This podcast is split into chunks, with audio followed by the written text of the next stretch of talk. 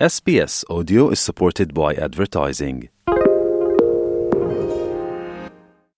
تاسو له اس بي اس پختو سره یاست د جولای په 12مه نیټه د شپې د سند ایالت په حیدرآباد سیمه کې د بلال کاکا په نوم باندې د سند ملت پاله ګوند یو غړي په داسې مهال کې خپل ژوند لاس ور کړو چې په یاد سیمه کې دوی سره د سوملګرو د یو هوټل نه خوراک وکړو او د پیسو د ورکولو پر وخت باندې یوه شخړه رامخې ته شوه، د پېښې سمدستي وروسته پولیسو ځینې شکمن تنان ونیول، خو په سمدستي توګه باندې په سیمه کې د ځايي خلکو د لورې نه یوازې یاد هوټل، ورسره نور هوټلونه او د پښتنو نور روزګارونه په زور د تړلو هڅې وکړې او د وهلو ټکولو پېښې هم رامخې ته شوې، دې ته قامي رنګ ورکړې شو او وویلې شولو چې پښتنو یو سیندې وژلی دی. په ټولنیزه رسنیو کې هم دغه شانتې ویډیوګانې خپرې شوې چې ځنې شرخوخو د خلکو روزګارونه په زبردستۍ سره تړل او د سیند ایالت په بیلابیلو سیمو کې چرته کې چې د پښتنو شمیرې کمی دي هلته کې د خوډب پیقې هم رامخې ته شوې د دغه اوسنی شخړې له هواري لپاره په سیند ایالت کې واکمن ګوند پیپلز د سیند کمپرسته ګوند او د پښتنو کمپرسته ګوند عوامي نېشنل د لورې پر خلکو باندې غږ وکړ شو چې دوی د دغه ځانګړې پیښې ته قامي یا لساني رنګ نه ورکوي که څه هم د پولیسو او د رینجر د لوري د سیند په بیلابیلو برخو کې پښتنو ته دغه اطمینان ورکړ شو چې د دوی روزګار به څوک په زبردستۍ سره نه تړي خو لا تر اوسه پورې دغه شنت خبرونه مخې ته راځي چې په ډیرو سیمو کې پولیس او رینجر په دې کې پاتې راغلي دي په سند ایالت کې د پنځوس سلوکو نه سوا پښتانه ژوند کوي هم د دغه یاد مشکل په اړه باندې اس بي اس رادیو په کراچۍ کې میشت سیاسي او ټولنیز فعال ریحان الدین څوک چې د واکمن ګوند پیپلز غړی هم دی ورسره مرکه ترسره کړې ده او په پیل کې مو د دوی وپوښتل چې د شخړې نه وروسته په سند ایالت کې د خلکو ژوند له کوم قسم وضعیت سره مخامخ دی؟ پښتانه چې په کوم په کراچۍ کې او په اندروني سند کې پاتې کېږي د اوس چې کوسنۍ چې کومه واقعه وشوه د هغې نه پس خو ډېر زیات چې دی په خلکو کې غم او غوسه هم دی ولې چې د یو کس د قتل د وجې د دوا کسانو د خپله مسلې د خپلې جګړې د وجې ټول قوم ټارګېټ کېږي نو په دې باندې ټول پښتانه هم خو دې نه علاوه چې کوم امن پسند سندیان دي هغه خلک هم خپه دي او د نور قومونو والا خلک چې کوم دي هغه هم خپه دي خو دې کې موږ دا هم ولیدلو په دې سوشل میډیا باندې چې زیاته تر داسې پیجونه پیجونه هم وو چې هغه خالي نفرت پهلوانو لپاره داسې پوسټونه به کول چې آیا چې دوی دواړه په خپله کې لګیا وي او موږ ته خوندونه هلو ریحان الدین افریدي صیب کره ته مو وویل چې په تېرو وختونو کې هم دغه شانتې پېښې رامخې ته شوې دي او هغې ته قومي یا لساني رنګ ورکړی شوی دی او ډیر لوی زیات ایتلافات تیر شوي دي نو اوس هم په هغه تیر سوچ یا فکر کې کوم تغیر نه دی راغلی. دا خو یو فطرتي عمل دی کنه چې کوم ځای کې ته پاتې کیږې هلته چې کومه آبادي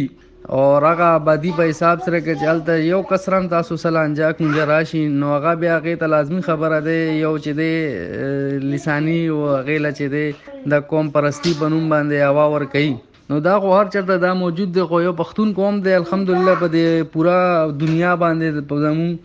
داسې خسته قوم دی چې هغه بیخي دی شي لا چې دې زور نه ور کوي آیا په پېښور کې یو پنجابي یا سندې یا نور څو قومونه والا آیا کې چې انډیان هم راشي هلته هغه عزت ور کوي هغه په کاروبار کې هغه سمنډه تړله وي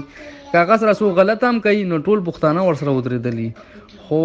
د نور قومونو به درته نشم ویلې ولې چې د هلته که ماجري او که سندي نو هغو کې چې د قوم پرستي شته دی او دې کې بیا داسې خلک هم ډېر شته دي چې هغه ښه خلک دي هغه چې دی امن خوښوي نو په دې کې چینجینګ مشکله دې راشي ولې چې دا فطرتي عمل دی که اوسنی وضعیت مو راته وبایلې چې اوس په کراچۍ یا په نورو سیمو کې وضعیت څنګه دی؟ اسلام بایی اوس خو د اوسنی چې کوم سچویشن دی په دې کې خو چې دی چې کومې د پښتنو علاقې دي کنه نو هغه کې خو خلک چې کوم زیاتر پښتانه دي او کله عام مزدوریم کوي او ټلیم چلوي او هر تر خپل کارونه کوي خو زیاتره داسې علاقې دي په کراچۍ کې چې هغه د سندیانو علاقې دي لکه یو سوشل میډیا ویډیو هم راغلی وه یو یو په بیل په بیله یو کس پوره هوټل بند کو او اوس هم موږ یې ولیدو چې هغه چې دی پولیس نیولی دی جیل له کړی دی نو زیاتر خلک چې کوم سندیانو علاقو کې مطلب پښتنونه باري نو هغوله لږ مشکلات شته دي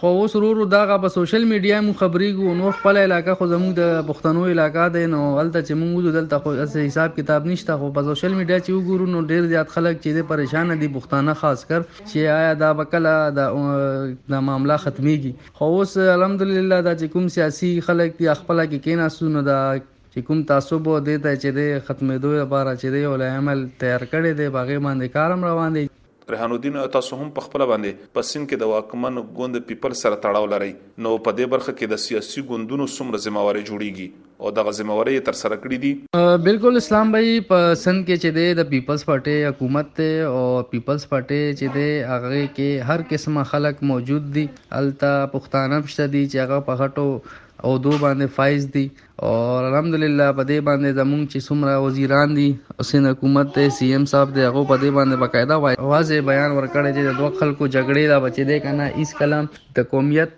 رنگ نشي ورکول او په دې باندې قانوني کاروایی سخت سے سخت بکو دینه علاوه شرجیلی نام مې منم په دې باندې د خبرې وکړي خو آیا کې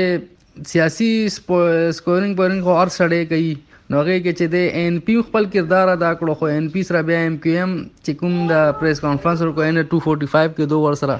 اتحاد وکړو نو دې دا بچې دې بیا تاسو خپل خپل نظر باندې مو ګورئ چې را دا مطلب خبره څنګه او دو چرته لاړو دغه شان دې بیا پی ټی آی خپل پکې سیاسي پوینټ سکورینګ کړي دي حسین حکومت الحمدلله پسند کې دا تقریبا 13 15 کالونه حکومت کوي نو هغه به هیڅ کلم نه غواړي چې را زمون په دې سن کې چې داسې معاملات راشي ولې چې دلته پیپلز پارټي کې ټول نه زیات په کراچي خاص کر پښتانه په پیپلز پارټي کې چې دی فایز دی بغیر کې کارکونان هم شته دی بغیر کې عہدیداران هم شته دی ریحان الدین افریدي صاحب که په اخره کې مراته وویل چې که دغه څه قسمه پیښې رامخته کیږي نو د دغه ستونزو حل څه پکار دی اسلام بھائی په ډیره خپل بوختنه دی وکړه په دې کې بس زمونږ د ادارې چې کومې دي دا چې اکټیو شي او دغه شان معاملات چې کوم دي هغه په بروخ کاروایی په غي باندې وشي او په هغې کې چې تاخیر نه کیږي نو ان شاء الله داسې شایې کاروایانې او بیا داسې کوم چې کوم د جنگ جګړې دي دا به ان شاء الله نه کیږي خو بس دا د ادارې چې کله اکټیو شي او خپل ذمہ داریان خو په خوش اسلوبي سره سرانجام ور کوي نو ان شاء الله الله نه امید دی چې داسې به هیڅ کلام بیا واقعیا نه راپښ کیږي دا د کراچۍ نه ریحان الدین افریدي څوک چې د پیپلز ګوند یو فعال غړی دی د وژل شوي تن بلال کاکا په اړه باندې نا تائیده شوي راپورونه وایي چې دوی پولیسو ته په ډېرو جرمونو کې ککړ وو. بلخوا په کراچۍ کې د هوټلونو د سازمانه مشران وایي چې که چرته کې دولت زر تر زره د دوی کاروبارونو ته خوندیتوب ور نه کړي نو دوی به په ګرده سیمه کې د پنځه دېرشو زرونو سوا هوټلونه په بشپړه توګه باندې وتړي.